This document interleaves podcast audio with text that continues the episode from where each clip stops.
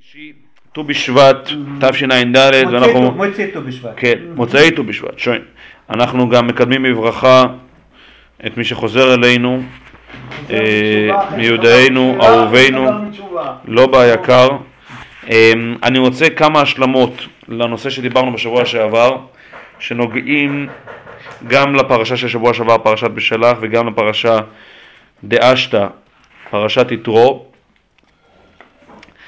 אז אני רוצה דווקא להתעכב פה על כמה, בכמה הקשרים בפרשת בשלח.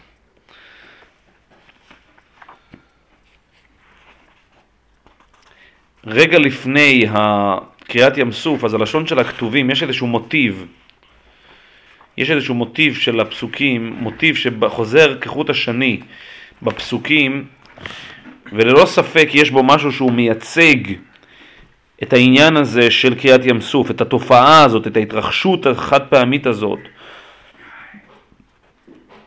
ויאמר משה אל העם, אל תיראו, זאת אומרת, זה מתחיל עוד לפני כן, ופרעה הקריב, ויישאו בני ישראל את עיניהם, והנה מצרים נוסע אחריהם, ויראו מאוד, אז יש פה, ויישאו בני ישראל,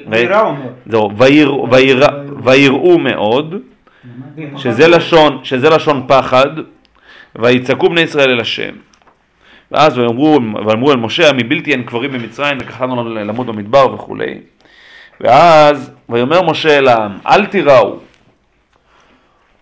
אל תיראו, למה? התייצבו וראו. שוב, יש פה אל תיראו, זה לשון מורה. כמו שהיה מקודם, ויישאו בני ישראל את עיניהם, אז התייצבו וראו. תראו את ישועת השם אשר יעשה לכם היום. ואז הוא מוסיף ומחדד את עניין הראייה. כי, את אש... כי אשר ראיתם את מצרים היום לא תוסיפו לראותם עד עולם. כאשר ראיתם את התופעה הזאת כראייה, כאשר ראיתם, כן, וזה חוזר, כן. זה גם לא פה, תמיד זה עוד חמישה פסוקים, מה, מה, מה פה? מה, לא תוסיפו לראותם... ואיך זה מרגיע, ומה זה שייך. אתם תראו, יש כאן משהו שתופעה מסוימת שנתפסת בראייה, בדייקה בראייה, והתופעה הזאת היא תופעה שלא תראו אותה יותר לעולם. השם ילחם לכם אתם תחרישון. ואז שוב, ויאמר השם למשה מה תצעק אליי וכולי וכולי וכולי.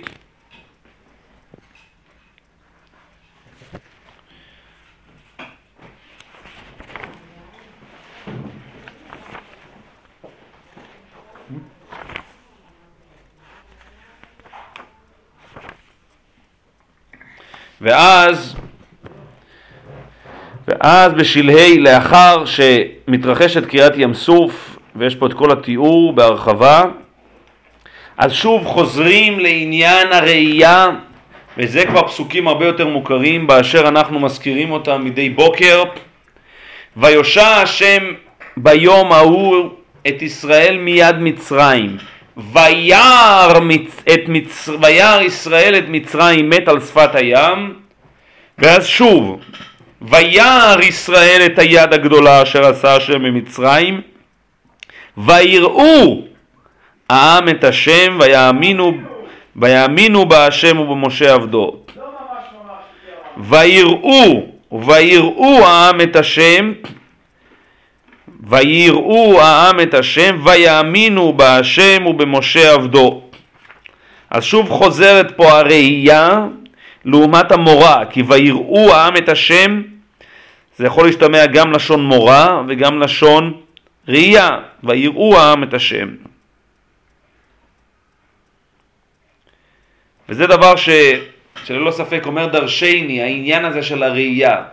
אז האמת היא כזאת, שהסוגיה הזאת של הראייה מתכתבת עם סוגיה אחרת של ראייה שאני דיברתי פה בעבר בכמה וכמה הקשרים, אבל בעיקר בהקשר של הר המוריה, אשר יאמר היום, בהר השם יראה. העניין הזה של מה שנקרא שדה הראייה של אלוהים, השדה הראייה האלוהי. שדה הראייה האלוהי לעומת שדה הראייה האנושי. זה דבר מאוד מעניין ש... גם הרמב"ם במורה נבוכים מזכיר את זה, שכתוב שם שאצל אברהם אבינו בדרך להר המוריה, בדרך שהוא הולך, אז השטן נדמה לו כנהר. הנהר בעצם הוא זה שחוצץ בינו לבין שדה הראייה האלוהי.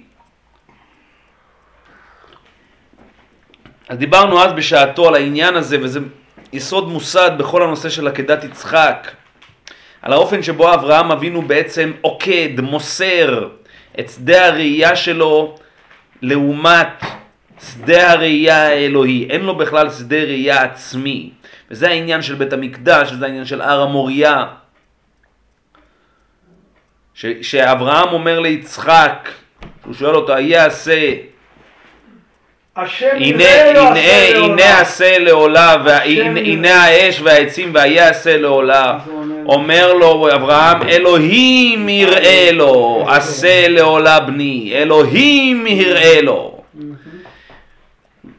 ולכן, כשהשטן נדמה לו, המטרה של השטן כאשר הוא נדמה לו כנהר, היא בעצם שלא לאפשר לו הוא בעצם מאתגר את שדה הראייה שלו. וכאן יש עומק, שזה מתחבר כאן, לנושא כאן, בעניין הזה של קריאת ים סוף. שדה הראייה של האדם הוא שדה ראייה אופקי. הוא שדה ראייה שבעצם הוא נגזרת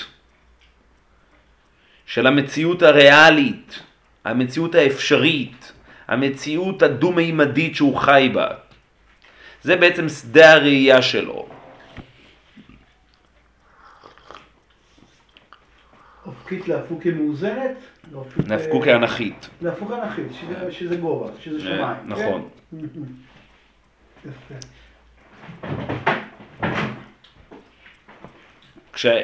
כשהקדוש ברוך הוא מצווה על אברהם, קח לך את בנך, את יחידך, את, את יצחק, הוא מצווה אותו על הבלתי אפשרי, הוא מצווה אותו במשהו שהוא מחוץ לשדה הראייה שלו. אין לו בכלל יכולת תפיסה, אין לו יכולת אחיזה, וממילא כמובן אין לו יכולת מימוש. איך מממשים את הדבר הזה? מה עושים עם הדבר הזה? היכולת היחידה שלו פה, אני מדבר בקצרה, כי דברים שכבר התלבנו והתבהרו. הוא בעצם, היכולת היחידה זה בעצם למסור את שדה הראייה שלו, להיכנס למין איזשהו סוג של מצב מדיטטיבי, שבו שדה הראייה שלו הופך להיות חסר משמעות. הוא בעצם מצורף, הוא מסונף לשדה הראייה האלוהי. המצב הזה שבו בני ישראל נמצאים, המצב הזה של מצרים מאחוריהם והים לפניהם הוא מצב בלתי אפשרי. הוא המצב של האבסורד המוחלט, כהמשך למה שדיברתי פה בשלהי הפרשה הקודמת, על העניין של האמונה. האמונה זה בעצם המצב של האבסורד, המצב הבלתי אפשרי. בני ישראל בעצם נמצאים במצב שבו שדה הראייה שלהם לא מסוגל לתפוס איזושהי היחלצות, איזושהי יציאה, איזשהו סוג של גאולה, איזשהו סוג של הצלה מהמצב שבו הם נמצאים, במצב המלכודת הזאת, בכף הקלע הזאת, שמצרים מאחור והים מלפנים. הים הוא בעצם מה שחוסם את שדה הראייה של האדם, כי אין לאדם יכולת לעולם לחצות את הים. אין לו יכולת לחצות את הים. הים הוא הבלתי אפשרי, הים הוא האבסורד, הים הוא המציאות, המימד כביכול, המרחב שבו האדם בעצם לא מסוגל לחיות בצורה מאוזנת, לחיות בצורה שיש, שיש, לו, שיש לו אחיזה, שיש לו שליטה, שיש לו איזושהי יכולת ביקורת, ימין, שמאל, אחור, קדימה.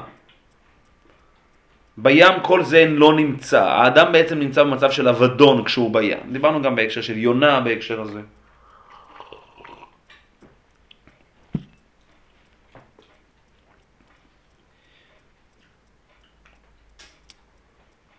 זה בעצם המצב שבו בעצם, זה המצב שבו האדם נדרש, בהמשך למה שדיברנו בשלהי השיעור הקודם, לקפיצה של האמונה. הקפיצה של האמונה היא בדיוק הקפיצה הנחשונית הזאת. בני ישראל, המצב הזה, שבו הראייה חדלה להיות ראייה, הרי בעצם היכולת של האדם לשמור על ביקורת, לשמור על איזון, לשמור על פיכחון, תרתי משמע פיכחון, גם בכף וגם בקוף. זה פקיחת העיניים. זה בעצם היכולת של האדם, מכאן מגיעה המילה לפקח. לפקח זה לפקוח עיניים, כן? לפקוח עיניים. המציאות המפוקחת, אני אומר גם בכף וגם בקוף, היא נגזרת של הראייה. המציאות הזאת של האדם, המציאות הזאת של, בני, של, של העם היהודי, במצב שבו, במצב שבו הם נמצאים, במצב שהוא נטול פיקוח.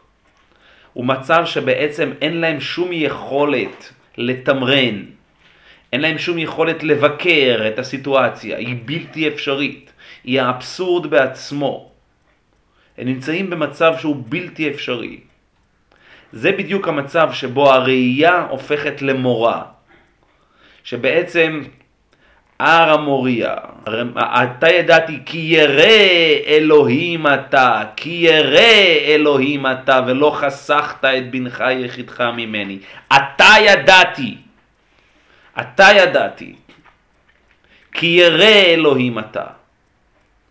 המצב הזה של המורה הוא בעצם מצב שבו האדם, המציאות, הראייה שלו ביחס למציאות לא רק כביכול אפשר לומר במידה, במידה רבה שהמורה הוא הפך הראייה. במובן הזה שבעצם האדם מסתכל למציאות בעיניים והוא רואה בלתי אפשרי. הוא רואה את הבלתי אפשרי. כשבני ישראל בהתחלה, המטמרפוזה הזאת, התהליך, השינוי שהעם היהודי עובר מרגע לפני קריאת ים סוף ועד לרגע אחרי. זה בעצם תהליך שבו העם היהודי, השינוי, המטמרפוזה מתקיימת במה שנקרא ראייה, או ליתר דיוק במה ש... בשני צידי המטבע, במה שנקרא מורה. כשבהתחלה, בתחילת הפרשה, ויישאו בני ישראל את עיניהם, והנה מצרים נושא האחרים, ויראו מאוד, ויצעקו, ויצעקו בני ישראל אל משה. דהיינו, הראייה מביאה אותם למצב של חוסר ראייה. הם רואים חושך, הם לא רואים אור. הם רואים מצב שהוא בלתי אפשרי. זה מה שנגזר מה"ויישאו בני ישראל את עיניהם".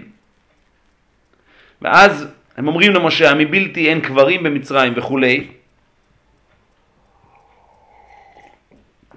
דהיינו הם מבינים, מבינים על נכונה את המצב הבלתי אפשרי שבו, שבו הם נמצאים. ואז ויאמר משה אליהם, אל תיראו, אל תפחדו מזה, להפך. התייצבו וראו את ישועת השם אשר יעשה לכם היום, כי את אשר ראיתם את מצרים לא תוסיפו לראותם עד היום. דהיינו, עד עולם. עד עולם, סליחה. דהיינו, הראייה הזאת שלכם תיקח אתכם הראייה של הבלתי אפשרי הזאת שלכם תיקח אתכם לראייה של הבלתי אפשרי של, של, של, של הבלתי אפשרי על אמת, זאת אומרת אתם תראו בפועל את הבלתי אפשרי. זה מה שנקרא אתה ידעתי כי ירא אלוהים אתה, היכולת של האדם לראות את המצב הבלתי נראה, לראות בשדה ראייה שהוא לא שדה ראייה שלו בכלל, השם יילחם לכם ואתם תחרישון. דהיינו זה בכלל לא שדה הראייה שלכם. זה בכלל לא שדה הפעולה שלכם. להפך, שדה הפעולה שלכם הוא על היבשה. האדם לא פועל בים, הוא פועל, הוא פועל בקרקע מוצקה. שדה הראייה, שדה הפעולה של האדם. הוא בחרבה, הוא לא בתוך הים. זה הופך להיות בעצם שדה שהוא לגמרי אקס טריטוריה אלוהית שאתם מצטרפים אליו, שאתם עומדים כמין סוג של ניצבים בתוך המחזה הזה ומביטים בו. והשיא של המעמד הוא בשלהי הפרשה, וזה בעצם גולת הכותרת. ויושע השם ביום ההוא את ישראל מיד מצרים, וירא ישראל את מצרים מת על שפת הים, הוא רואה את האבסורד, הוא רואה, זאת אומרת הראייה שלהם הופכת להיות ראייה שמסוגלת להכיל את האבסורד, שמסוגלת לראות, שמסוגלת לתפוס את האבסורד. וההמשך הוא, וירא ישראל, את מה הוא רואה? את מה הוא רואה? מה הגילוי שהוא רואה? וירא ישראל את היד הגדולה אשר עשה השם במצרים, ואו אז ויראו העם את השם ויאמינו בה השם ובמשה עבדו. זאת נקודת השיא של הראייה. זאת נקודת השיא שעליה חז"ל אומרים, ראתה שפחה על הים מה שלא ראה יחזקאל בן בוזי במעשה המרכבה. דהיינו, הראייה הבלתי אמצעית הזאת, הראייה הבלתי אמצעית, כפי שחוותה אותה, גם דיברתי על כך בשבוע שעבר, זה לא שמדרגת הנבואה של השפחה על הים הייתה יותר גבוהה ממדרגתו של יחזקאל בן בוזי במעשה המרכבה, פשיטה שלו, אלא שהראייה, המציאות הנראית, כפי שהתגלתה בקריאת ים סוף, הייתה לאין ארוך נראית, אבסורדית מחד ונראית מאידך. היכולת לתפוס את האבסורד, לראות את האבסורד. אתה ידעתי כי ירא אלוהים אתה, ולא חסכת את בנך יחידך ממני. אשר, י... אשר יאמר היום בהר השם יראה. זה מה שיאמר היום, זה בעצם הגילוי שקיים פה, הגילוי שמתבטא, שמתגלה.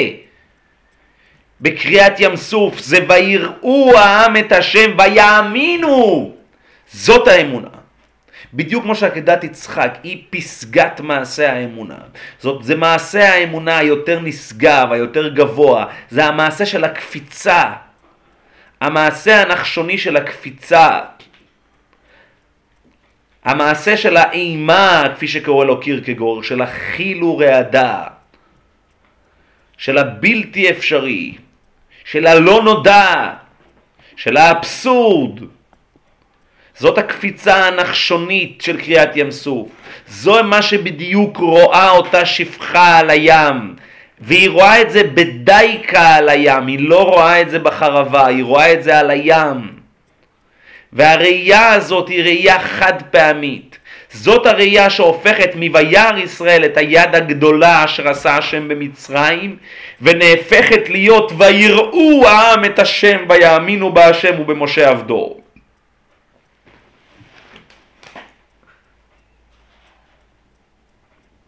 עד כאן בעניין הזה של קריאת ים סוף. ואז, אני רק ממשיך ואני רוצה לחבר את זה להמשך. ואז בני ישראל פוצחים בשירה. ובשירה הזאת באה לידי ביטוי באמת, דיברנו גם על כך בשבוע שעבר, על העניין הזה של ה"אז ישיר משה". המצב הזה שבו האדם, שדה הראייה שלו הוא קיים במקום אבסורדי, של התחיית המתים מן התורה. והם מתארים, הם מגוללים את כל, ה, את כל הגילוי הזה של הימינך השם נעדרי בכוח, ימינך השם תירא צורי ובוריון לך תרס קומך וכולי וכולי וכולי וכולי. כך אנחנו אגב מכשירים את עצמנו מדי בוקר אל האמונה. מומלץ אגב גם לומר את פרשת העקדה גם, כחלק בלתי נפרד מההכשרה התבונית הזאת, לקראת עמידת האמונה של האדם מול הקדוש ברוך הוא מדי בוקר. בכל מקרה, אבל זה דבר מאוד מאוד מעניין.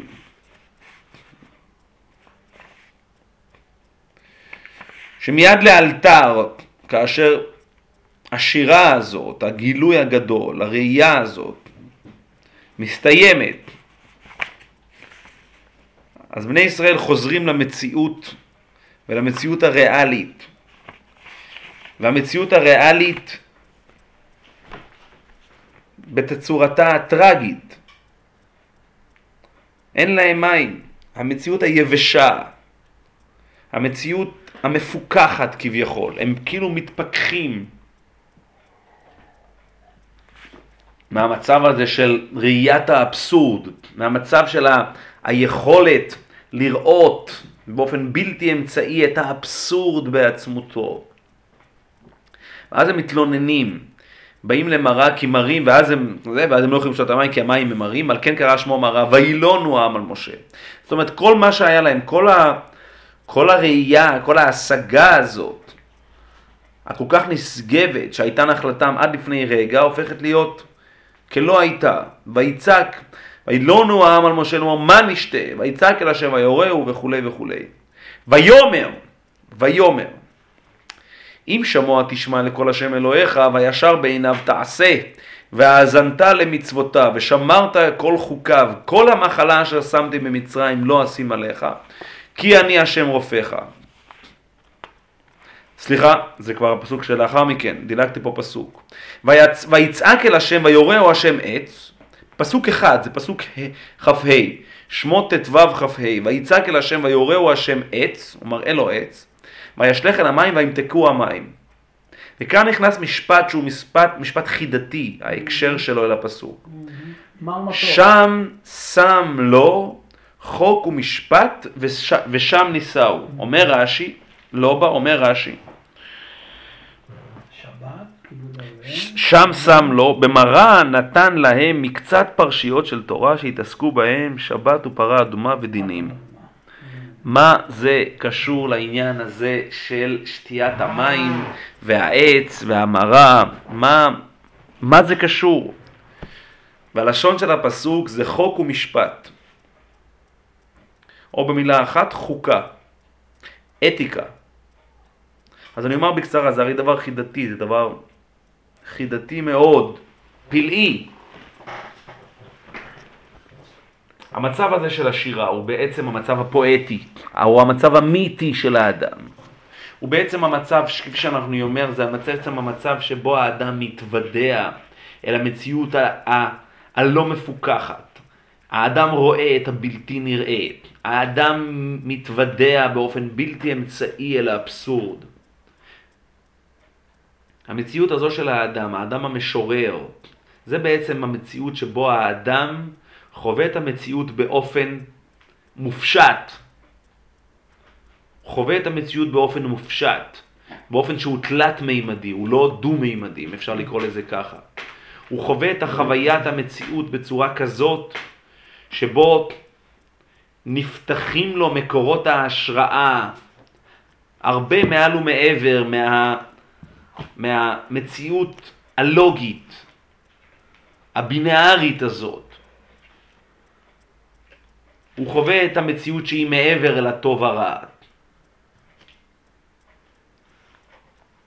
זאת מציאות שהיא מציאות פנטסטית, היא נהדרת, היא נשגבת עד מאוד, אבל יש בה סכנה מובנית. והסכנה המובנית היא מציאות כזאת שבעצם האדם לא מסוגל להכיל על עצמו את האתיקה. מה שבעצם קורה שרגע אחרי שהם מתפכחים מההתגלות הגדולה הזאת, הם מרגישים אבודים. הם מרגישים אבודים, ותחושת האובדן הקיומי הזה היא נגזרת מן העובדה שאין יכולת לממש בחיי. בחיים הריאליים, בחיים הריאליים, את ההשגה המיתית הגבוהה הזאת. מה שבעצם קורה פה, זה שבעצם משה רבינו מבין שהמשורר שחי בתוך העולם הפואטי שלו, כשהוא מנותק מהמציאות האתית, כשהמשורר חי במציאות המיתית, בניתוק מהמציאות האתית, אז מדובר במציאות שהיא מציאות מסוכנת. יש צורך בעוגנים, בעוגנים ריאליים,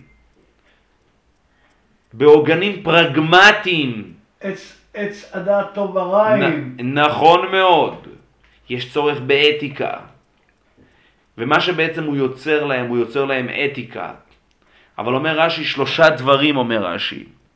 אומר רש"י, שבת, פרה אדומה ודינים. אני אתחיל מהסוף להתחלה. דינים זה בדיוק המציאות האזרחית. זה ההסדרה של המציאות האזרחית. שתהיה מציאות אזרחית מתוקנת. אתיקה במובנה הפשוט.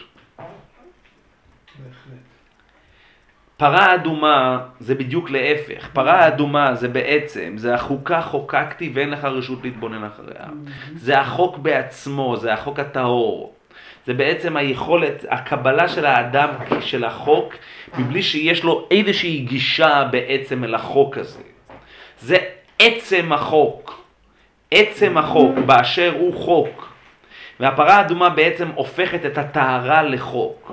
טהרה שזה משהו מופשט, שזה משהו מיתי, הופך להיות חוק. זאת חוקת התורה. האופן שבו המיתי מקבל את הגושפנקה והעוגן האתי של החוקה חוקקתי ואין לך רשות להגן, להרהר אחריה. אין, אין לנו שום גישה בעצם אל ה... כביכול ההיגיון של זה, זה קיים כחוק. דבר שהוא לגמרי מופשט, המורפי, ארטילאי, ספירטואלי, הופך להיות חוק. והאחרון החביב זה שבת. שבת זה בעצם הדרך להגן את הסדר הנכון של ששת ימי המעשה. השבת היא העוגן, ששבת היא בעצם לא שייכת לכאורה למציאות הריאלית. כביכול מחוץ למציאות הריאלית, אבל זהו שלא. השבת מוטמעת בתוך המציאות הריאלית.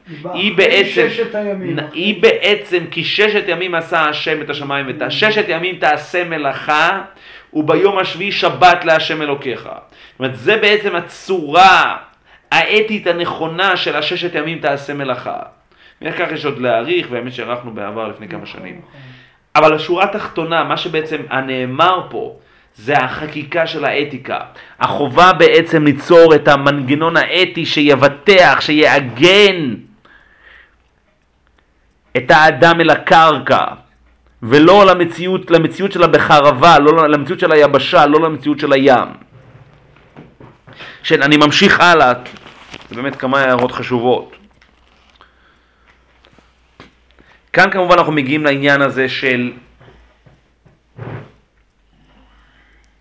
לעניין הזה של, של המן, שכאן יש פה איזשהו סוג של מטוטלת, בעצם כל הפרשה הזו בעצם מגוללת חיים, מציאות של חיים בלתי אפשריים, בלתי אפשריים. כל הנושא הזה של המן, זה גם מתחבר לדברים שדיברנו בעבר, זה בעצם היכולת של האדם להתקיים במציאות בלתי אפשרית. וכאן אני רוצה גם לחזור למשהו, לניואנס שדיברנו עליו בשבוע שעבר, זה מתחבר גם לנושא של המצות. מה שבעצם אנחנו, סוגיה המרכזית שאנחנו עוסקים בה. סוגיית המסמן והמסומן לא בה.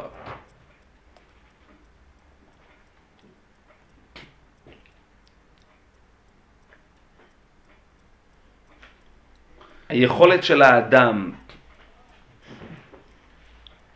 המצע כביכול היא הגרסה המינימלית ביותר של המסמן. דהיינו, הדבר לכשעצמו הוא מאוד מאוד מאוד בסיסי, הוא אלמנטרי מאוד. הוא מאפשר לאדם להכיל על המאכל הזה, על המזון הזה, עולם אסוציאטיבי שלם. העולם האסוציאטיבי שלנו לא יכול, להתקיים, לא יכול להיות מוכל על הלחם. למה? כי הלחם הוא הקיום ה... המדושן, הוא הקיום, האדם, כשאדם אוכל את הלחם הוא מתחבר אל הכאן ועכשיו. אין שום זיכרון בלחם. האדם, לצאת מהמציאות המקובעת שלו אל העולם האסוציאטיבי, אל העולם הפנטסטי של הזיכרון. אל העולם של המסומן, לחצות את הקו הזה, בין האור לבין האור.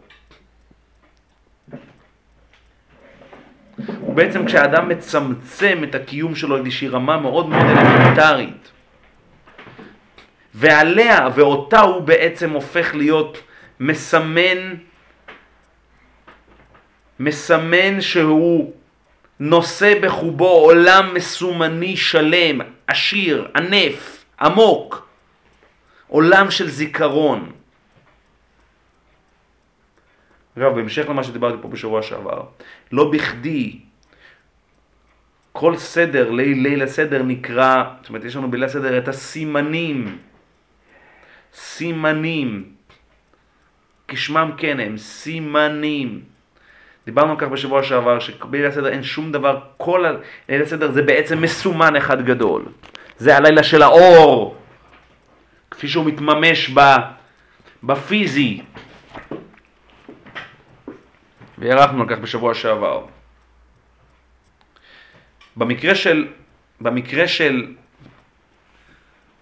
במקרה של, של המן, זה עוד, עוד באופן מובהק שבעתיים.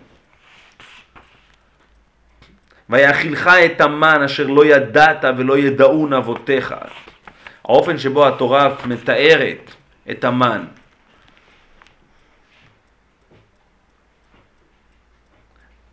ויאמרו איש אל אחיו מן הוא, כי לא ידעו מה הוא. ויאמר משה זהו הלחם אשר נתן, לכם, נתן השם לכם לאוכלה. זאת אומרת, יש פה איזשהו חוסר יכולת זיהוי של הדבר הזה, הוא בלתי מזוהה. הדבר הזה כדבר מציאות עצמה הוא בלתי מזוהה. הוא הפך להיות כולו לחם אבירים. הוא הפך להיות כולו מסומן אחד טהור. וזה בעצם התמצית הקיומית העמוקה של למען ענותך, לנסותך ולמען הודיעך, כי לא על הלחם לבדו יחיה האדם, כי על כל מוצא פי השם יחיה האדם. דהיינו הנקודה שבו מוצא השם נמצא ונוכח במסמן בעצמו. זאת בעצם הבשורה של המן. וממילא היא גם קשורה לעניין של השבת.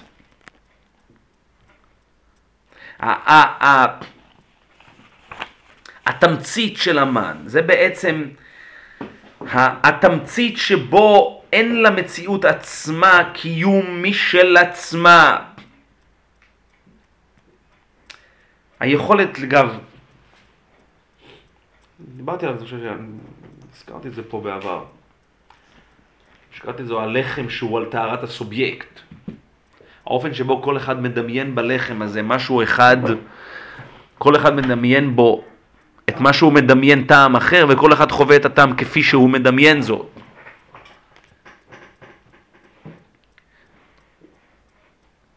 זה בעצם היכולת של האדם שלא, שלא ללכת, שלא, שלא ללכת שבי אחר הדבר לכשעצמו, אלא להפך.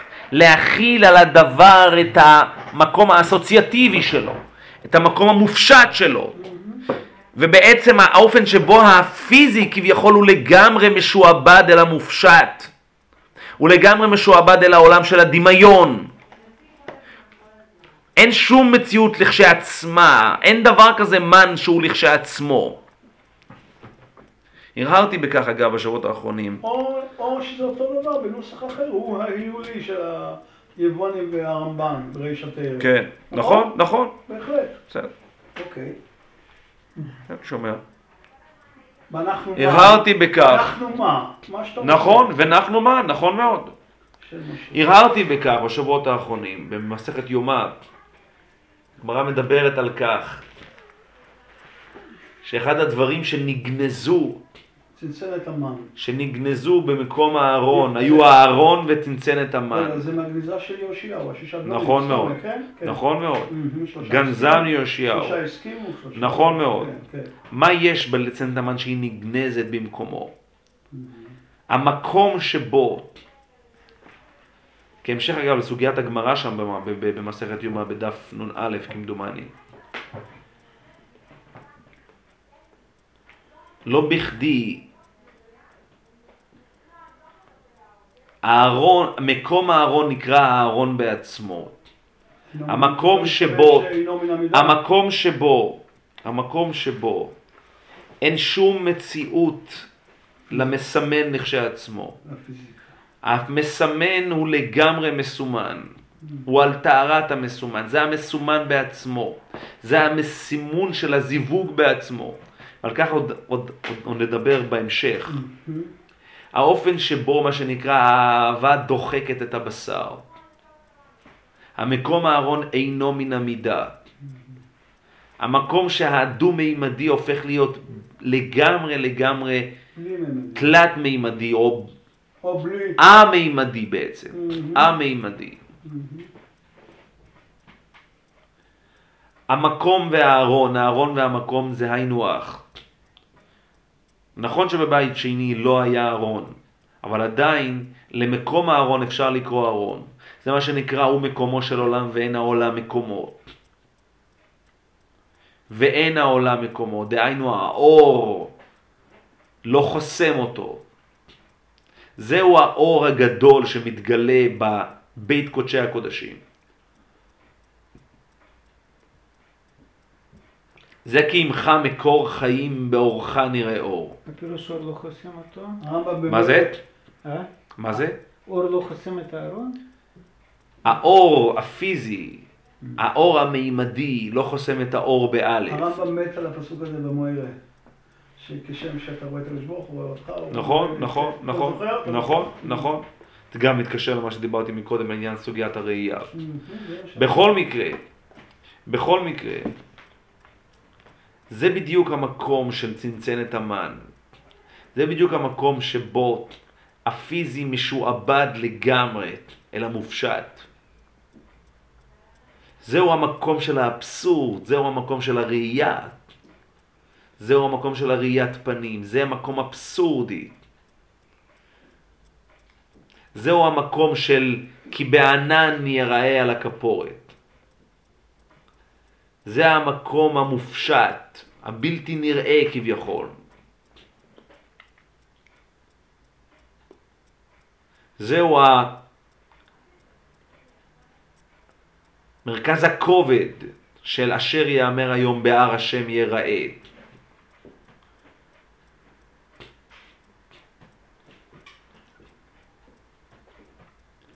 ורגע לפני שאני עובר לדבר על העניין לעניין באותו עניין ממש, אני רק אזכיר שההמשך של הפרשה מתייחס למלחמת עמלק, וגם שם יש לנו את העניין של הפיזי. והיה כי ירים משה את ידיו וגבר ישראל. כי הוריד משה וגבר עמלק. וכי ידיו של משה עושות מלחמה. וכי ידיו של משה עושות מלחמה. אלא בשעה שישראל נוסעים. דהיינו היכולת, היכולת דרך המציאות הפיזית, הממשית, ליצור את הזיקה, ליצור את החיבור, ליצור את המקום, את, האסוצ... את הקישור האסוציאטיבי הזה של עיניהם נושאים לאביהם שבשמיים. דרך הידיו של משה, שפשיטא שהם אינם עושות מלחמה, וידי משה כבדים, הוא לא יכול להכיל, וידי משה כבדים. ואת כל זה אנחנו מצווים על הכתוב זאת זיכרון בספר. את הזיכרון לחקוק בספר עצמו.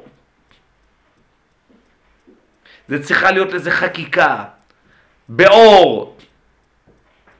לחקוק את זה בספר ושים באוזני יהושע. וההמשך הוא כי יד על כסקה מלחמה, מלחמה להשם בעמלק מדור דור. כביכול אין הכיסא שלם ואין השם שלם. י' ה' קיים, ו' ה' לא קיים, המימוש כביכול, ההתממשות, זה משהו שחסר.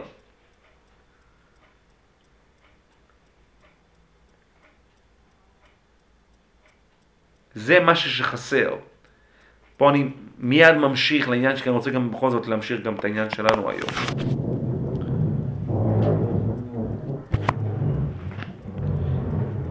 כאן אנחנו מגיעים למעמד הר סיני, שזה ללא ספק השיא, השיא, שבו הפיזי הופך להיות מאופס לחלוטין. וכמובן בראש ובראשונה כשאנחנו מדברים על מעמד הר סיני אנחנו מדברים על לוחות ראשונות שבו והלוחות מעשה אלוהים המו והמכתב מכתב אלוהים הוא חרוט על הלוחות. היכולת בעצם ליצור את האיפוס המוחלט הזה. את, את המציאות שבה רואים את הקולות. רואים את הקולות. זאת אומרת, מציאות שהיא לגמרי בלתי נראית הופכת להיות ממשית. ממשית לחלוטין. אין שום פער בין הראייה לבין השמיעה, לא בין... בין הנעשה לבין לא בין- הנשמע. מה אומר? בין הנעשה לבין הנשמע, היינו, וגם... הנשמע נמצא ונוכח בנעשה באופן כזה שהוא לגמרי על טהרת הנשמע. גם בין הגשם לרוח, הכל מעשה אלוהים, לוחות שניות, מעשה משה, הגשם. נכון? הלוחות, אמנם לא הלוחות האלה, אבל בהחלט שברי לוחות מונחים בארון, אבל המושג שנקרא לוחות, זה בעצם גם, אפילו במידה, במידה רבה, גם הלוחות השניות, אמנם לא בצורה המלאה הזאת, ללא ספק, גם שהצורה המלאה זה השברי לוחות מונחים בארון, גם הם נמצאים בארון. דהיינו, זה בדיוק המקום של הארון. כהמשך למה שהזכרנו לגבי צנצנת המן. זה בדיוק העניין של מקום הארון, וזה נגנז עם הארון. שזה נגנז הכוונה, זה לא שזה... נגנז זה מסוג המציאויות כביכול, שאם אין את האור באלף, ממילא אין את האור בעין. זאת אומרת, זה נגנז כי זה קיים רק עד כמה שזה מגלה את האור. אין איזה קיום עצמי. לכן זה נגנז במקומו. זה הכוונה נגנז במקומו. זה נגנז, המקום הוא גונז אותו. כי המקום הוא בלתי נראה. המקום הוא אבסורדי. אבל הוא שימש. עד שיאשיהו גנב, היה לזה. אז המקום, הייתה אחיזה אל המקום. לא, הייתה, הייתה, הייתה גם פונקציה. חז"ל מציינים שהוא זה, השיברי לוחס, הם אלו שיצאו למלחמות. כן, כן, נכון, אני אומר, בוודאי, בוודאי. אני רוצה להסביר את זה להרחיב. בוודאי, היכולת, בוודאי, היכולת להנכיח, להנכיח את הבלתי אפשרי באפשרי, להפוך את הבלתי אפשרי לאפשרי. זה באמצעות יציאתו של הארון, במציאות, ה, ביציאה של הארון הזה שהוא נושא את נושאיו.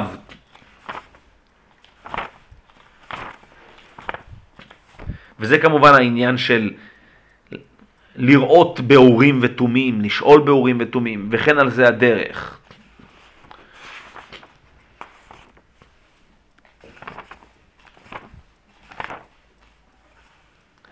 וזה בעצם מי ש- כל התיאור של מעמד הר סיני כולו. התיאור הזה של המציאות הבלתי אפשרית, הבלתי נראית. של האש הגדולה. של אתה הורית לדעת כי השם אלוקים אין עוד מלבדו.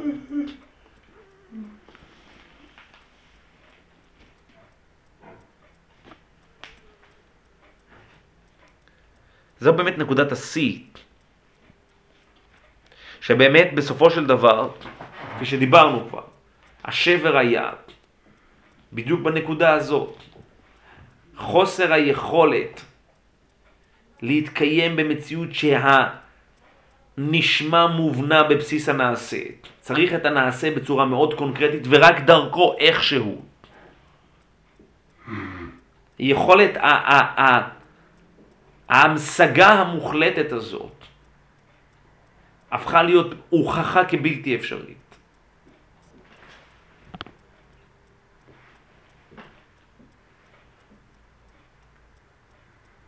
וממילא הנעשה בצורה הזאת איננו קיים עוד, הוא נשאר רק באופן מופשט.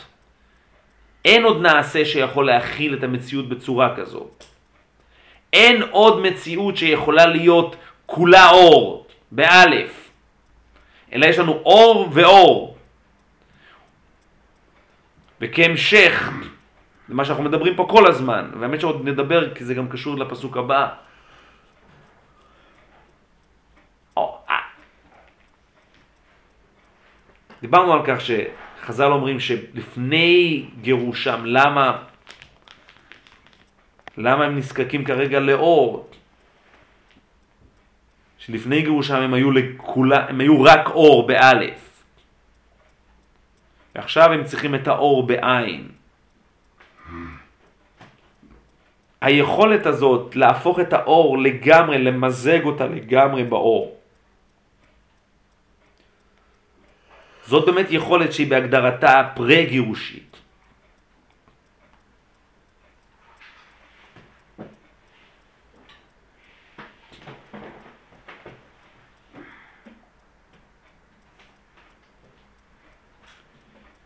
זהו, עד כאן בנקודה הזאת. אני רק בשביל, באמת בשלהי העניין הזה, כי באמת הגיע הזמן שנמשיך הלאה. הנושא הזה הוא נושא מקיף מאוד, מקיף ועמוק מאוד ובסיסי, ככל ש... ומה שהספקנו, הספקנו. פתחנו, ככל שאנחנו פותחים אותו יותר, מתגלים רבדים מרבדים נוספים. וזה, וזה, אני חייב להגיד, זה בא לידי ביטוי בהרבה מאוד אספקטים וצורות, ו... ברוך השם, זכינו פה לגעת בכמה וכמה נקוד, נקודות והקשרים. סתם אחד הקשר, הקשר שהתעוררתי בו זה הקשר של גם הרבה מאוד בקבלה וכל הנושא של האור המקיף. סוכה וממכה. איך? סוכה וממכה. סוכה וממכה, כן. מה זה סוכה וממכה? סובב כל עלמין ממלא כל עלמין. וממלא כל עלמין. חב"ד במיוחד באזור, כלומר, מרדכי, הטרנסידנטי בנוסח הפילוסופי והאמיננטי, בדיוק אותו דבר, בדיוק, לדעתי. טרנסצדנטי זה מעל אפשרות ההבנה. נכון. מחוץ להוויה. ל- מבחינת הקדוש ברוך הוא, שהוא כביכול, לא, מחוץ- מההבנה. מחוץ להוויה, מחוץ. מה- מרדכי. ההפך מפנתאיזם. ואימננטי? מה זה? ואימננטי? פנימי. בפנים, שפינוזה, מה זה. פנימי? מה? פנימי, פנימי להוויה. תקשיב. ג- ג- גם באותו ריחוף מההוויה? לא, לא, להפך. פנימי להוויה. אתה לא? מקשיב. אינהרנטי בתוך ההוויה. מרדכי, אולי תקשיב רגע, פנתאיזם, שפינוזה, הוויה הוא הטבע, הטבע הוא ההוויה. אין, אין משהו טרנסצדנטי, אין משהו חיצון עוד. אין, אין, אין. אין שפינוזה אומר, זה מה יש.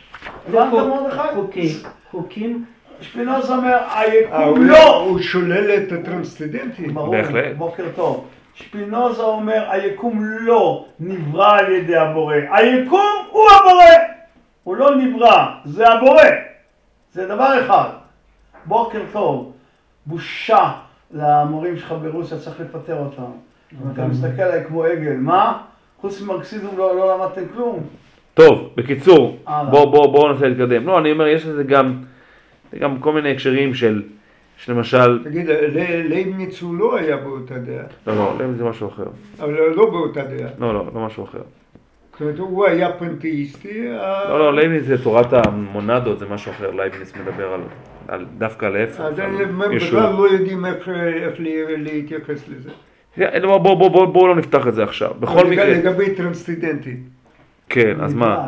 אה, מה היה... דקארט היה, הדואליזם של דקארט הוא בעצם ה- כן מכיר האנטיתזה. בטרנסצנדנטי. בוודאי. ושל לייבניץ? לא ברור. לא ברור. אה. אה, לא תקרא, ברור. ת- אני- תקרא את הספר של שפינוזה על לייבניץ, תנסה להבין את זה. מה? זה. ספינוזה על לייבניץ. בוודאי. באתיקה לא, לא, לא באתיקה, זה הספר הראשון שלו שהוא כתב. הוא כתב על, הוא כתב על... לא. תגיד, אה, טוב, בקיצור. וניוטון? וניוטון? די, ניוטון לא קשור ניוטון לא קשור. לעניין. ניוטון טוב. פיזיקאי, הלאה. לא, לא, הוא היה פילוסוף. לא, זה לא. לא, לא. התשובה לא. בכל מקרה, טוב, לענייננו, היה מיסטיקן בפיזיקה. טוב, בואו בוא, בוא, בוא ניקח אוויר כן, ונירגע. כן. בכל מקרה, יש גם כל הנושא של הרפואה, מאוד דבר מאוד מעניין לחקור, לחקור את זה, העניין הזה של, קוראים לזה הילינג, ההילה. זאת אומרת, שוב, דברים שנוגעים בעצם, שוב, ביחסים הפסיכופיזיים הללו, האופן שבו כביכול האור הופך להיות צורה של התגלות, והוא כאילו מקיף, והדרך בעצם לרפא את האדם זה בעצם לח... להגיע לאיזשהו סוג של חציית מחסום האור בעין, שהוא בעצם ה... המקור של הכאב והסבל, החציצה הזאת. טוב, אבל זה... טוב, אנחנו ננסה להתקדם. היום אנחנו, סוף כל סוף, מתחילים לקרוא פרק ג', פסוק כ"ב. ויאמר השם אלוהים, ויאמר אדוני אלוהים, אין האדם היה כאחד ממנו, לדעת טוב ורע. ועתה פן ישלח ידו, ולקח גם מעץ החיים וחי לעולם. ונקרא את זה עוד פעם. הן האדם. ויאמר השם למי הוא אומר? למה הוא אומר? אין האדם היה כאחד ממנו, הוא הפך להיות אחד ממנו. ובמה, ומה מה זה ממנו? מה זה ממנו? אתה מכיר את הרמב"ם כמובן. מה זה? את רבי עקיבא שהרמב"ם מצטט. מה זה. מה זה ממנו? מה זה ממנו? רבי עקיבא קורא לא ככה, אתה יודע. אין האדם היה כאחד. פסיק! ממנו, מעצמו לדעת טוב. הרמב"ם, מה זה נהנה מזה? הרמב"ם מביא את זה בכמה מקומות. וזה דס או רבי עקיבא שם, נדמה לי. מחלוקת בשש רבי עקיבא, פפוס ועוד טענה. טוב. אומר רבי יהודה שהוא לומד את זה? טוב שאתה לא אומר לי? טוב שאתה אומר לי. הרי אנחנו קוראים בטעמים כמובן, אין האדם היה. אה, אה, אה, רב דוד, רב דוד, בוא. תרשה לעצמי להניח שאני קצת, זה אפילו, לא- האמת שלא, גם אם לא, אה. גם אם לא פתח, גם לא למדתי איזה מה היה, אתה שוכח שאני מחזיק פה, אוקיי. עכשיו אתה. באמת, מה, Mm. אין האדם היה כאחד ממנו, אין האדם היה כאחד ממנו. ובמה בא לידי ביטוי העובדה שהאדם היה כאחד ממנו? בעובדה שהוא יודע טוב ורע. נו, אז מה הבעיה? אז הוא יודע טוב ורע, טוב מאוד. הפסוק הבא זה הבעיה, עכשיו הוא ירביץ את עץ החיים, כן? לא, זה לא הפסוק הבא, זה באותו פסוק. ואתה, מה יקרה אתה? פן ישלח ידו, ישלח את ידו, ישלח את ידו. ולקח גם מעץ החיים, ואכל, וחי לעולם. יש כאן בעיה, אז הוא יחיה לעולם. טוב. נו, ואז תמשיך לשאול, אז מה הבעיה? געזונטערהייט, געזונטערהייט, מתושלח פלוס, פלוס הרבה. געזונטערהייט, מה הבעיה? אנחנו לא רוצים שהוא יהיה אחד ממנו. אנחנו? לא רוצים שהוא יהיה... בקיצור, אחר, פשט בילדים בני שמונה בחיידר, אחרי שהוא אכל מעץ הדעת טוב ורע, אז הוא ינציח את חיי העולם שלו במצב של טוב ורע. כן, והוא, לכאורה, לכאורה לא בא, הוא יוכל, הוא יוכל בעצם להיות האוטוריטה, הריבון הנצחי על הווייתו. וכשהוא הריבון הנצחי, המשמעות היא שהוא נכון. ואין עוד מלבדו, הוא קובע את הכול. כאחד, נכון. אין עוד מלבדו, דהיינו שלטון מונרכי, על עצמו. של האדם. על עצמו. כן? שלטון מונרכי של האדם. על עצמו, נכון? טוב, כמובן שהפסוק פה הוא כולו רצוף בחידות גדולות ונסתרות עד מאוד, נכון. וננסה, אנחנו כבר, אנחנו כבר מתקדמים, אז מה שאנחנו נספיק, נספיק, כמובן עוד נאריך את זה בכהנה וכהנה, אבל, טוב, בואו נראה, בואו בוא, בוא נראה איך אנחנו מנסים בכלל לפצח, לא בה, את כתב החידות הזה, את האניגמה הזאת, מה זה המילה? אניגמה. חידה? אניגמה זה חידה? אניגמה זה חידה. אוקיי. ואמר השם אלוהים למלכיה, סליחה, ואמר השם אלוהים, אומר התרגום, האדם אב היחידי, בעלמא. או ליתר דיוק צריך לקרוא את זה כך, האדם אב היחידי בעלמא מיני, שבע. מיני? הוא לא אומר מיני הוא, מיני הוין, אלא הוא אומר מיני, ממנו.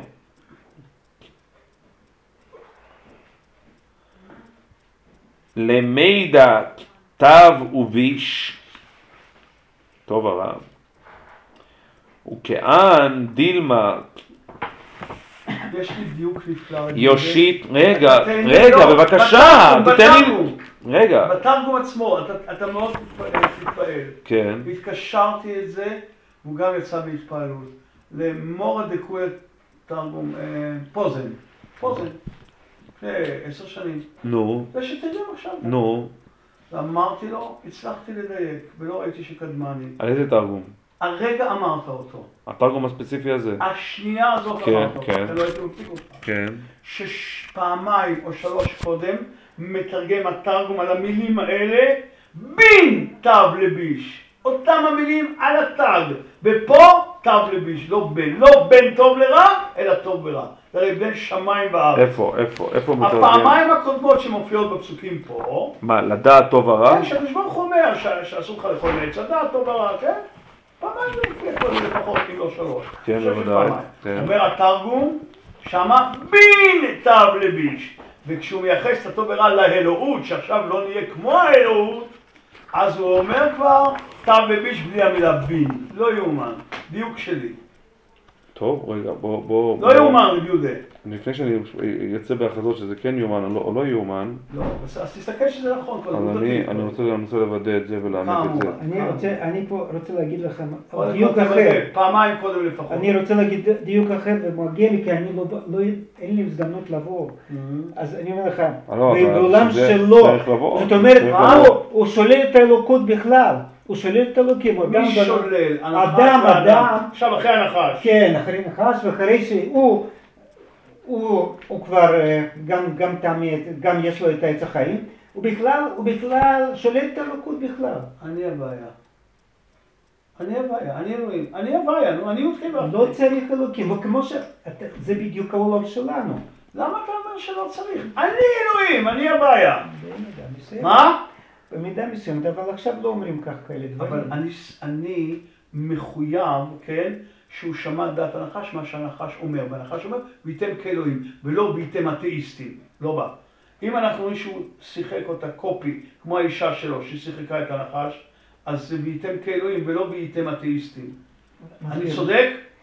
אבל עכשיו מצמצם את האלוקים למה? מה? האלוקים כבר לא קיים, הוא בעצם לא צריך, לא זקוק לאלוקים, זה אתאיזם. אדם עכשיו הוא יכול לעשות הכל, עכשיו עכשיו אנשים מאמינים. זה כל סוג של- סליחה, אדם יכול לא לחיות. מזה. זה לא רגע, רגע, רגע, רגע, רגע, רגע, אין לא בא? לא בא, לא בא, לא בא, לא בא, לא בא, בוא, בוא, רגע, רגע, רגע. רגע, לא- רגע, לא- לפני שאנחנו יורדים פה לגופם של הדברים, אז קודם כל אני חייב לך, הדיוקים שלי נכונים. הדיוקים שלך הם נכונים. ויפקחו עיניכם וייתם כאלוהים יודעי טוב ורע, כרב וייתם כרב בין, רבין חק בין. טוב לרע. נכון, בין, בדיוק, בין. ופה טוב ורע, נעלם הבין, כלומר, בעברית, כמו בחיידר תמיד, שכאשר אתה מייחס את ידיעת הטוב ורע לקדוש ברוך הוא, זה לא בין טוב לרע, אלא טוב ורע. לא מה ש... בין, אלא טוב ורע, זה הכל. זה דייקתי מרבות בשנים, לא יודע איך קרה לי. אני שומע וזה יכול להיות שזה גם מתחבר למה שאנחנו... לכן סליחה שקטעתי, אבל כעת היה מותר לי לקטוע, כן, נכון? מסכים. אוקיי. על כל פנים, על כל פנים, טוב, אז זה דבר שצריך לתת עליו את הדעת. בכל מקרה, ההמשך הוא כען, דילמה, יושיט ידי ועיסב ועיסב אף מאילן חיה ויכול ויחיה לעלם. ועשיו זה לא בדיוק מה שכתוב בתורה וייקח? עיסב זה ייקח. כן, אז, אז, אז בחזרה תרגום, תרגום אותו דבר. עיסב זה ייקח, צריך להיות במקומות אחרים של עיסב, צריך גם לבדוק את זה. קח אישה. כי. כך היא שישה, אז זה באמת. מסתום אבל פה... עשיו. אבל פה זה חיבור, אכן חיבור בלתי אמצעי על החיים, זה באמת דבר ששווה לבדוק אותו, את העניין של עשיו. בכל מקרה, עשיו, יושיט ידי ועשיו, זה לשון לאכול.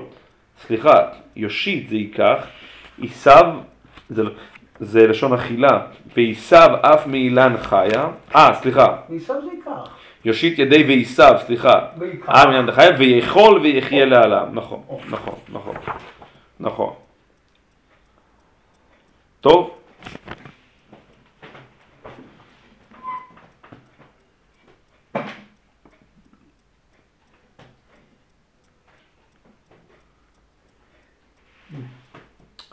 טוב, בוא, בוא, בוא, בוא ננסה לראות מה, איך אנחנו מבינים את הפסוק הזה. אומר רש"י,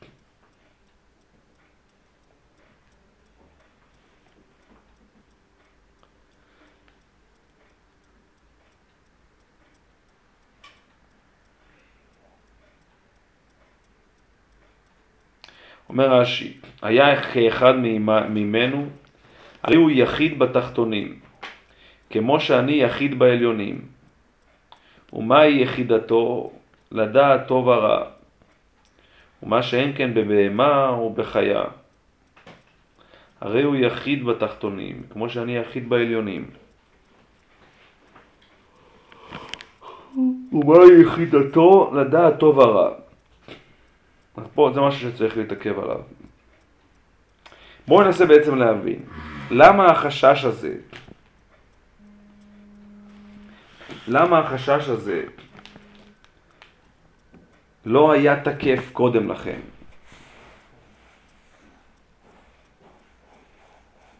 מה היה במצב של האדם קודם לכן, שהכל היה בסדר? הרבה תשובות בדבר. אין פה, האמת שיש רק תשובה אחת, מה שכתוב בפסוק, הרבה תשובות בפסוק, לא צריך תשובה אחת, שמה? שהוא לא ידע טוב מובן. זה מה שכתוב בפסוק, לא, אבל למה אז לא פחדו? רגע. רגע, הוא אכל, לא פחדו, הוא אכל מעץ החיים והוא חי לעולם, עכשיו השיווק כרגע מפחד מזה, אבל למה הוא לא אכל? אז? אני אומר, זה מה שאני שואל, הרי ברור שהסוד נעוץ בידיעת הטוב הרע, באי ידיעתו קודם ובידיעתו עכשיו. אוקיי. עכשיו, יש פה, האדם לא היה יחיד בתחתונים, כשהוא, קודם שהוא אכל. הוא לא היה. ולמה הוא לא היה? הוא עדיין לא אכל. כי הוא לא ידע טוב ורע. אפילו שהוא אכל מעץ החיים. מאיפה אתה לוקח שהוא אכל מעץ החיים? איפה זה כתוב? מתי? לפני הגירוש? מתי הוא אכל? הוא לא אכל, אף פעם, אף פעם הוא לא אכל מעץ היית אכל או לא אכל, זה היה צורת הקיום שלו, הוא נועד בשביל זה, הוא ציווה. אני זוכר את התורה שלך שהוא החליף אחד בשני, אבל את עץ לא. החיים האמיתי הוא לא אכל. נדע הבנתי, אבל הוא היה אמור לאכול, זה היה, נכון, נו. נכון. אמור באחד לשני. לא, מה זה?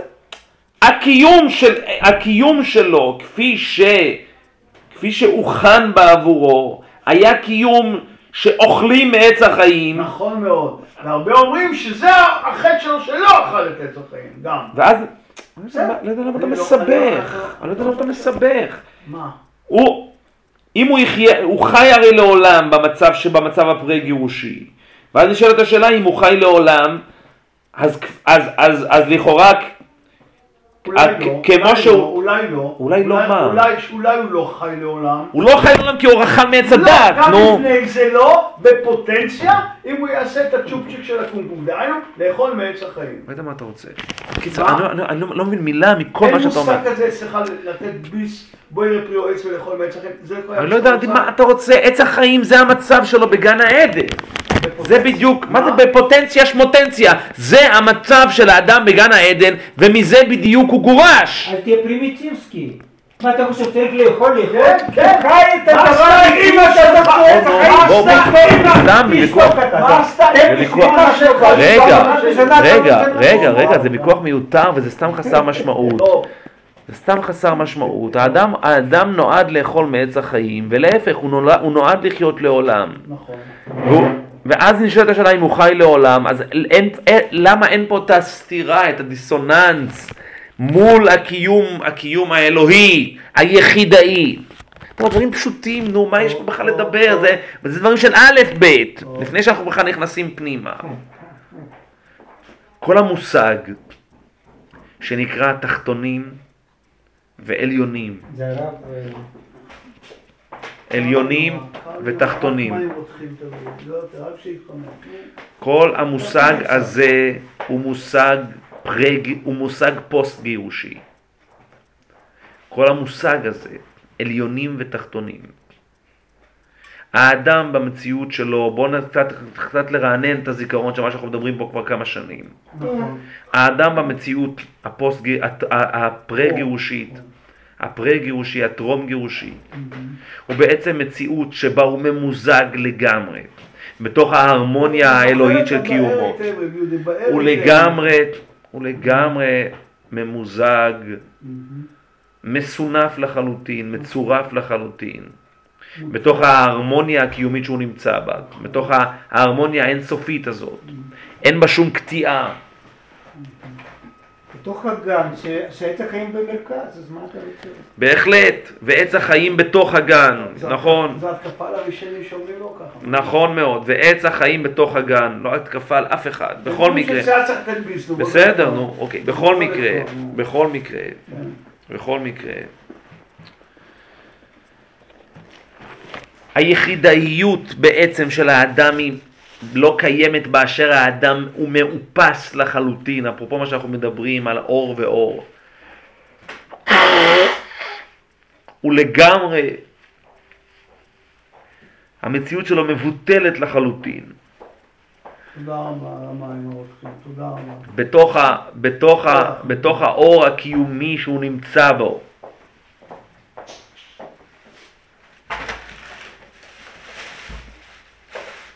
מה בעצם קורה במצב, ה- במצב, ב- במצב, ה- במצב הפוסט גירושי, לאחר הגירוש? מה שבעצם קורה במצב הפוסט גירושי, שהאדם בעצם נזרק מההוויה. הוא נזרק מההוויה. הוא הופך להיות טרנסצנדנטי להוויה. בעיה קשה מאוד. בעיה קשה מאוד. הוא בעצם נמצא במציאות שהיא לגמרי חיצונית להוויה. הוא ממולכד בתוך המציאות העצמית שלו. או אם תמצאו לומר, הוא הופך להיות סיבת קיומו. הוא הנקודה הארכימדית של קיומו. הוא הנקודה הארכימדית של קיומו. האדם, האדם בעצם נמצא באיזשהו מלכוד של בדידות מזהרת, שאין לו שום זיקה לשום דבר שהיא מעבר לעצמו. הידיעת הטוב הרע שלו, ידיעת הטוב הרע שלו,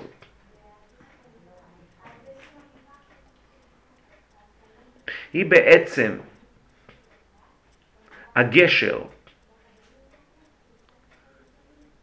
בינו לבין ההוויה. כפי שנראה בעוד שני פסוקים.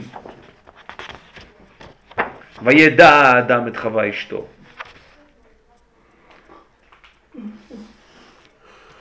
המסע של האדם אל ההוויה עובר דרך הידיעה. הוא חייב אבל לעבור, דהיינו לעולם, היחס האישי שלו, התפיסה שלו, ההכרה הקוגנטיבית שלו, מובנית בבסיס האינטראקציה בינו לבין ההוויה. מה שבעצם מתווך בינו לבין ההוויה זאת הידיעת, ידיעת הטוב הרע. הוא לא יכול לעקוף את זה, הוא לא יכול לחסוך את זה מעצמו. זה נמצא שם. ככה האדם בעצם מפגיש את עצמו עם ההוויה. וזה הדגש הגדול של ה... ה... שהאדם מפגיש את עצמו עם ההוויה. אם לרגע, אם שלא לרגע, השתנה להבין, אם אני מב- מבחן לעצמי, אם אני מבין, שום דבר אובייקטיבי לא השתנה, זו אותה הוויה שקראנו לה מקודם בדעתו, הדייטד אודו מרישן קראנו לעץ החיים, וזה בדיוק אותו דבר, נקודת הפרספקטיבה ירדה, ולכן הוא קורא לזה. זה לא נקודת הפ... הפ... לא, ההסתכלות שלו, התודעה לא, שלו. לא, לא, לא. אלא מה? אין לאדם שום יכולת ליצור זיקת אמת בינו לבין ההוויה שלא באמצעות הכלי הקוגנטיבי שנקרא ידיעת טוב ורע. שמקודם כן היה לו את האפשרות. שמקודם לא. היה, הוא לא היה צריך ליצור חיבור, הוא היה מחובר באשר עצם היותו. עצם ההיות שלו היה נשא בחובו את החיבור הבלתי אמצעי הזה. כעת האדם בעצם נמצא במקום שבו כל השיח, כל האינטראקציה שלו בינו לבין ההוויה מתקיימת דרך, ה. דרך התדרים הללו כן. של ידיעת הטוב הרע.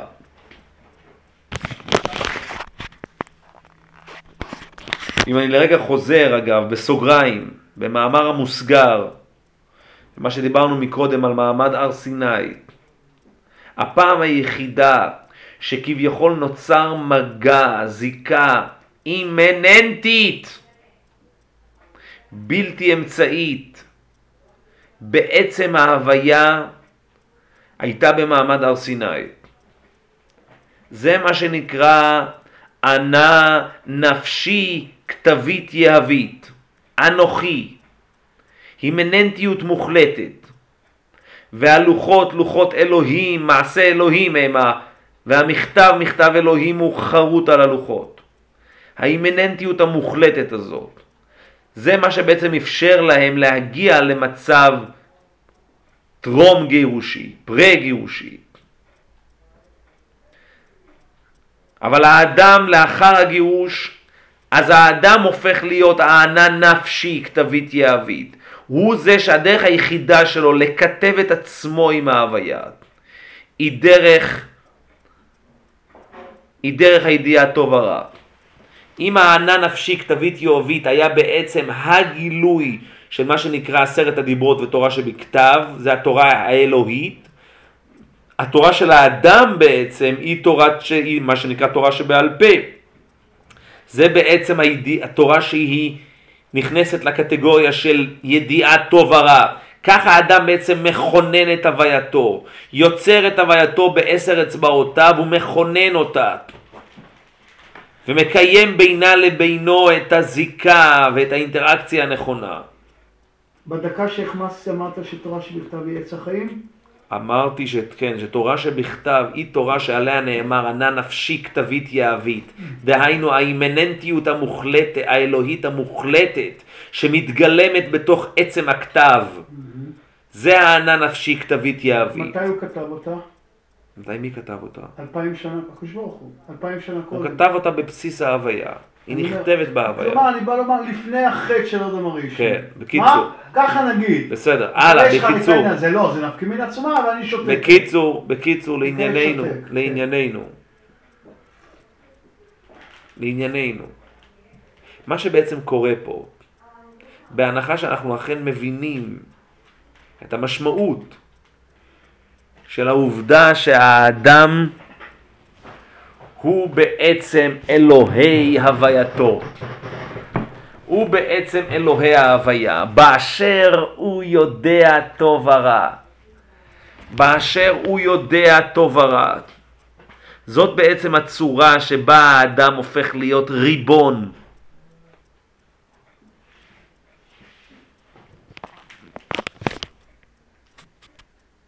הריבונות הזאת, הסוברניות הזו, הסמכות, סמכותיות הזאת,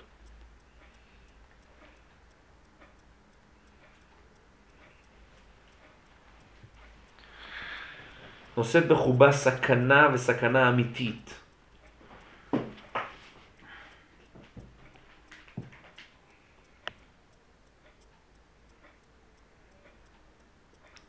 מה קורה למציאות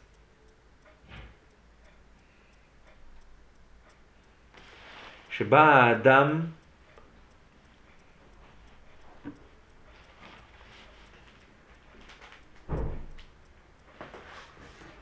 מצליח. הרי, אני, אני אומר זאת כך,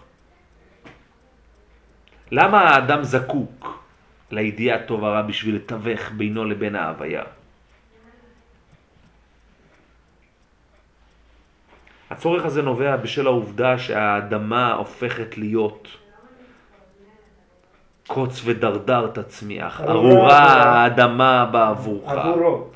בעבורו, ארורה האדמה בעבורך. מה הכוונה? ודיברנו על כך באריכות מופלגת. כן, כן. האינדיפרנטיות של ההוויה, האינדיפרנטיות של המקום. אין לאדם מקום, האדמה לא מתחשבת בו. האדמה אפילו מקיאה אותו, אותו מתוכה. אין את, הווה, אין את המציאות של והאדם אין לעבוד את האדמה. כל המציאות שהיא נגזרת מהסובייקט המוחלט, הטהור של האדם.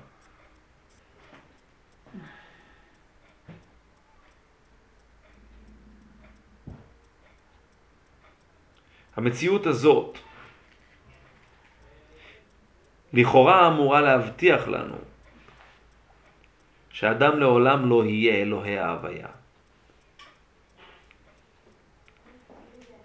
וזאת מדוע? בגלל שהמציאות היא אינדיפרנטית.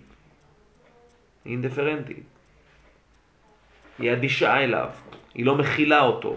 בקיצור, האדמה לא שומע, לא שואלת אותו שום דבר מה לעשות. נכון. זה האלוהים שלה. נכון מאוד. לא נעים להגיד, גם את הקדוש ברוך הוא, אסור להגיד האמיתי, פשיט האמיתי, היא גם לא שאלה מה לעשות. רק בעניין אחד. והיא גם אותו לא שאלה מה לעשות.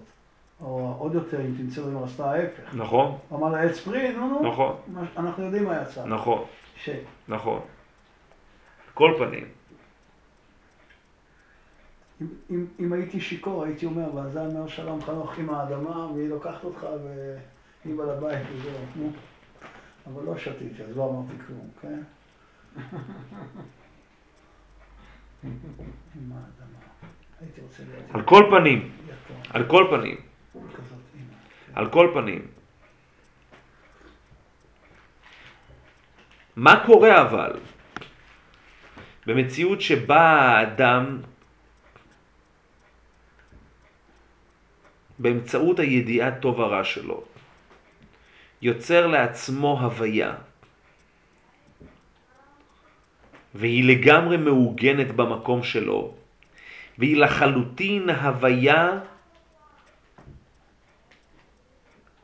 שהיא הוויית אמת.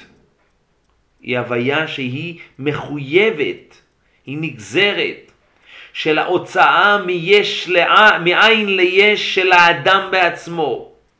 מהעין הנבדל והטרנסדנטי הזה שעונה לשם אני, האני של האדם, אל היש הממשי. וזה משהו שהוא לחלוטין מ... שוב, תולדה של ההכרה של האדם, של ההשגה המאוד מאוד מסוימת ואינדיבידואלית שלו.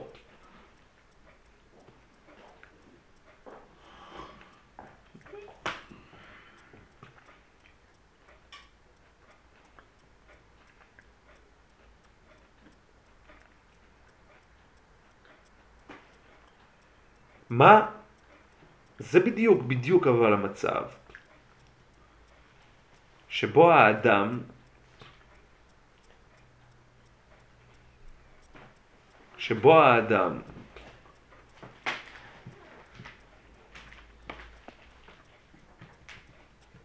הפך להיות אוטונומי לחלוטין, בלתי תלוי בשום צורה ואופן.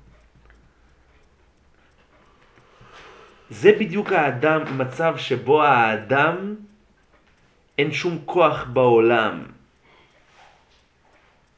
שיכול לערער על קיומו.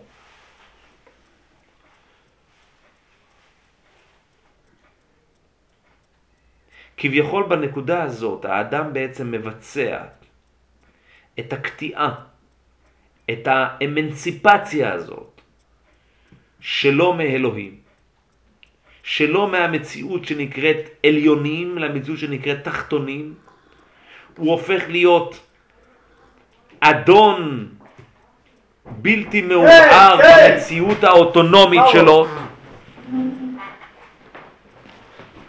שולם עליכם, שולם עליכם.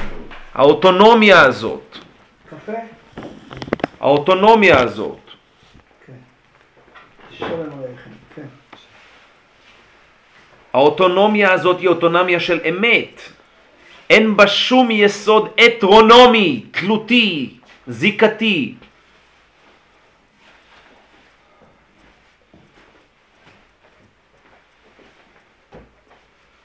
וכאן יש בעיה. כאן יש בעיה. והבעיה היא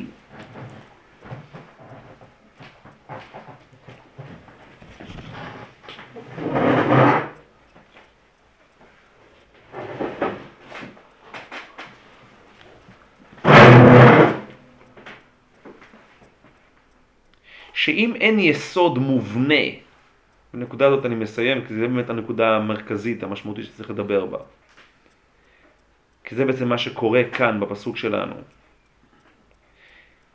אם אין יסוד מובנה של מוות, של מוות,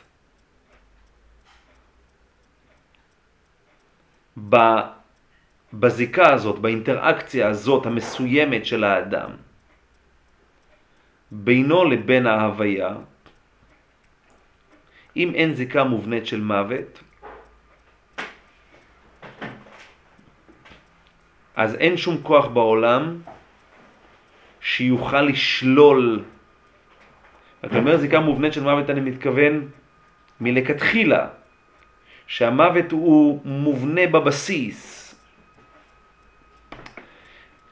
זאת אומרת, מה שמאוד חשוב להבין, לרגע לפני שאנחנו באמת צוללים פנימה אל נבחי הכתוב, ולמה שאתה מזכיר בדברי חז"ל כמובן, זה שבעצם במצב הפוסט גירושי מתרחשים שני דברים. הדבר האחד זאת התנתקות של האדם מן ההוויה.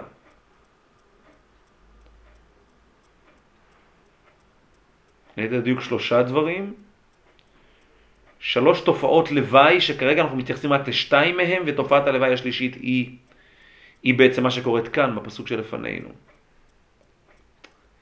אחד, האדם הופך להיות טרנסדנטי להוויה, חיצון להוויה, אוטונומי, בלתי תלוי. אז בהתחלה הוא בלתי תלוי, הוא בכלל, הוא מנותק, הוא תלוש לגמרי, כן? האדם הראשון לאחר החטא, ה-130 שנה של תלישות מוחלטת. אבל זה, זה, זה המצב הראשוני. אין שם אפילו, אפילו אין שם ידיעה טובה רע בתלישות הזאת. בבדידות המזהרת הזאת. אז זה דבר אחד. אם אני אתאר זאת, אני פשוט יכול ממש לתאר את זה כרונולוגית, כי זה מתחיל ממקום מאוד טרגי. זה מתחיל ממקום של בדידות והיזרקות חוצה מכתלי ההוויה. ההוויה פשוט פולטת אותו החוצה. כמו הענני כבוד שפלטו, פשוט נפלטים החוצה מהמציאות הזאת. אני לא סתם אומר את ענני כבוד.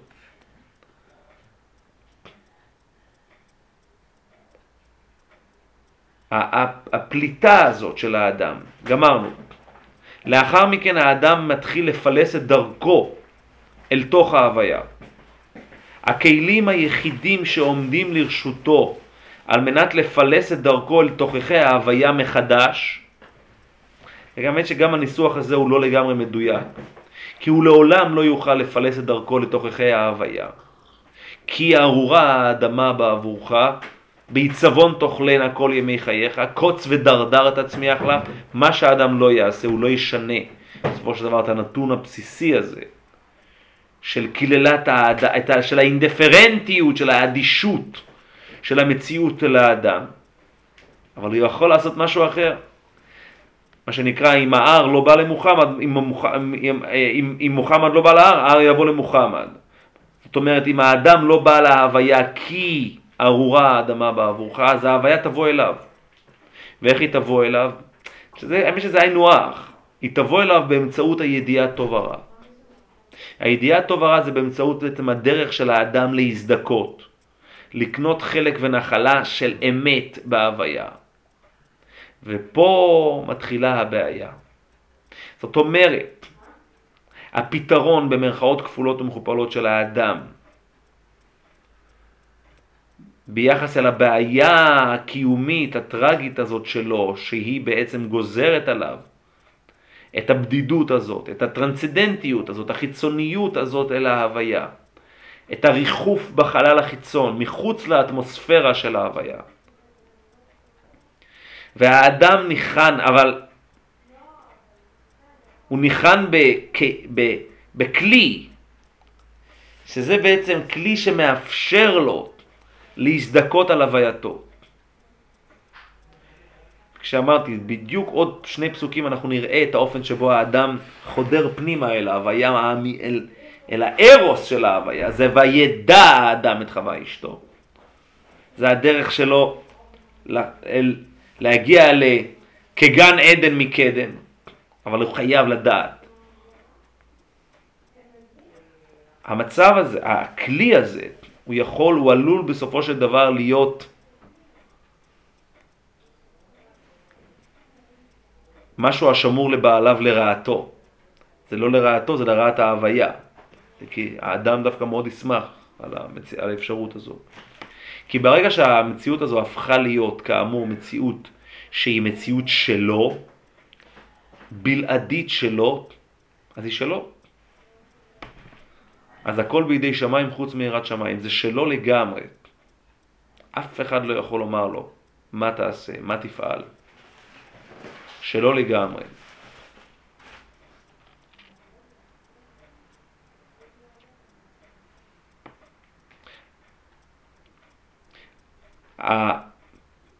הפעם שבו באמת האדם ניסה באמת ליצור איזושהי נוסחה, וזה צריך לדבר על זה בפני עצמו, אבל ליצור איזושהי נוסחה שבה ידיעת הטוב הרע שלו תצליח בעצם ליצור אוטונומיה מוחלטת וניתוק, אמנציפציה, ניתוק של האדם מהתלות ה- במקור האלוהי של ההוויה, זה בדור הפלגה. אבל בשביל זה היה צריך תפיסה קולקטיבית, תפיסה קולקטיבית של כל, של כל, של כל האנושות, קולקטיבית אוניברסלית של כל, כל האנושות, שתתאגד בתפיסה אחת, ככוח אחד, אוטונומי אחד. זה צריך לדבר בפני עצמו, אבל אז, אז בנקודה הזאת אני מסיים, אני מסיים בעצם בנקודת הבע- הבעיה, איפה נמצאת הבעיה? זה בעצם העניין, האופן שבו, שכתוב פה ושלח את ידו. זאת אומרת, אז אני אומר, זה ממש ברמה בסיסית, וזה אנחנו נרחיב בשבוע הבא. הרי הלשון פה הרי הוא תמוה מאוד, ואתה פן ישלח את ידו. מה זה פן ישלח את ידו? ואתה פן יאכל מעץ החיים. פן ישלח את ידו ולקח. פן ישלח את ידו ולקח, הכוונה, הוא לא, הוא צריך לבצע, לשלוח את ה... זה לא חלק ממנו. זה לא חלק ממנו. דיברנו על כך בהקשר של עץ הדעת, ששם האדם בעץ החיים הוא היה צריך לשלוח את ידו לעץ הדעת. בעץ החיים הוא אפילו לא צריך לאכול, בוודאי שהוא לא צריך לשלוח את ידו. לשלוח את ידו הכוונה לתווך יש משהו שהוא, הוא צריך, ואז הוא לוקח, והוא לוקח את זה אליו. כמו שמתרגם התרגום, ולקח עשיו. הוא לוקח את זה אליו, הוא נושא את זה. עשיו. הוא הופך את זה למשהו שהוא לגמרי מעוגן בתוך הקיום הבלתי תלוי, העצמאי שלו. וזה משהו שהוא בעייתי, כי נגד הכוח הזה אין שום כוח נגדי. אין שום דבר שיכול לאיים, שיכול לערער על הכוח הזה. וזה בעצם הכותרת של הבעיה שבפסוק שלפנינו. בהמשך בשבוע הבא.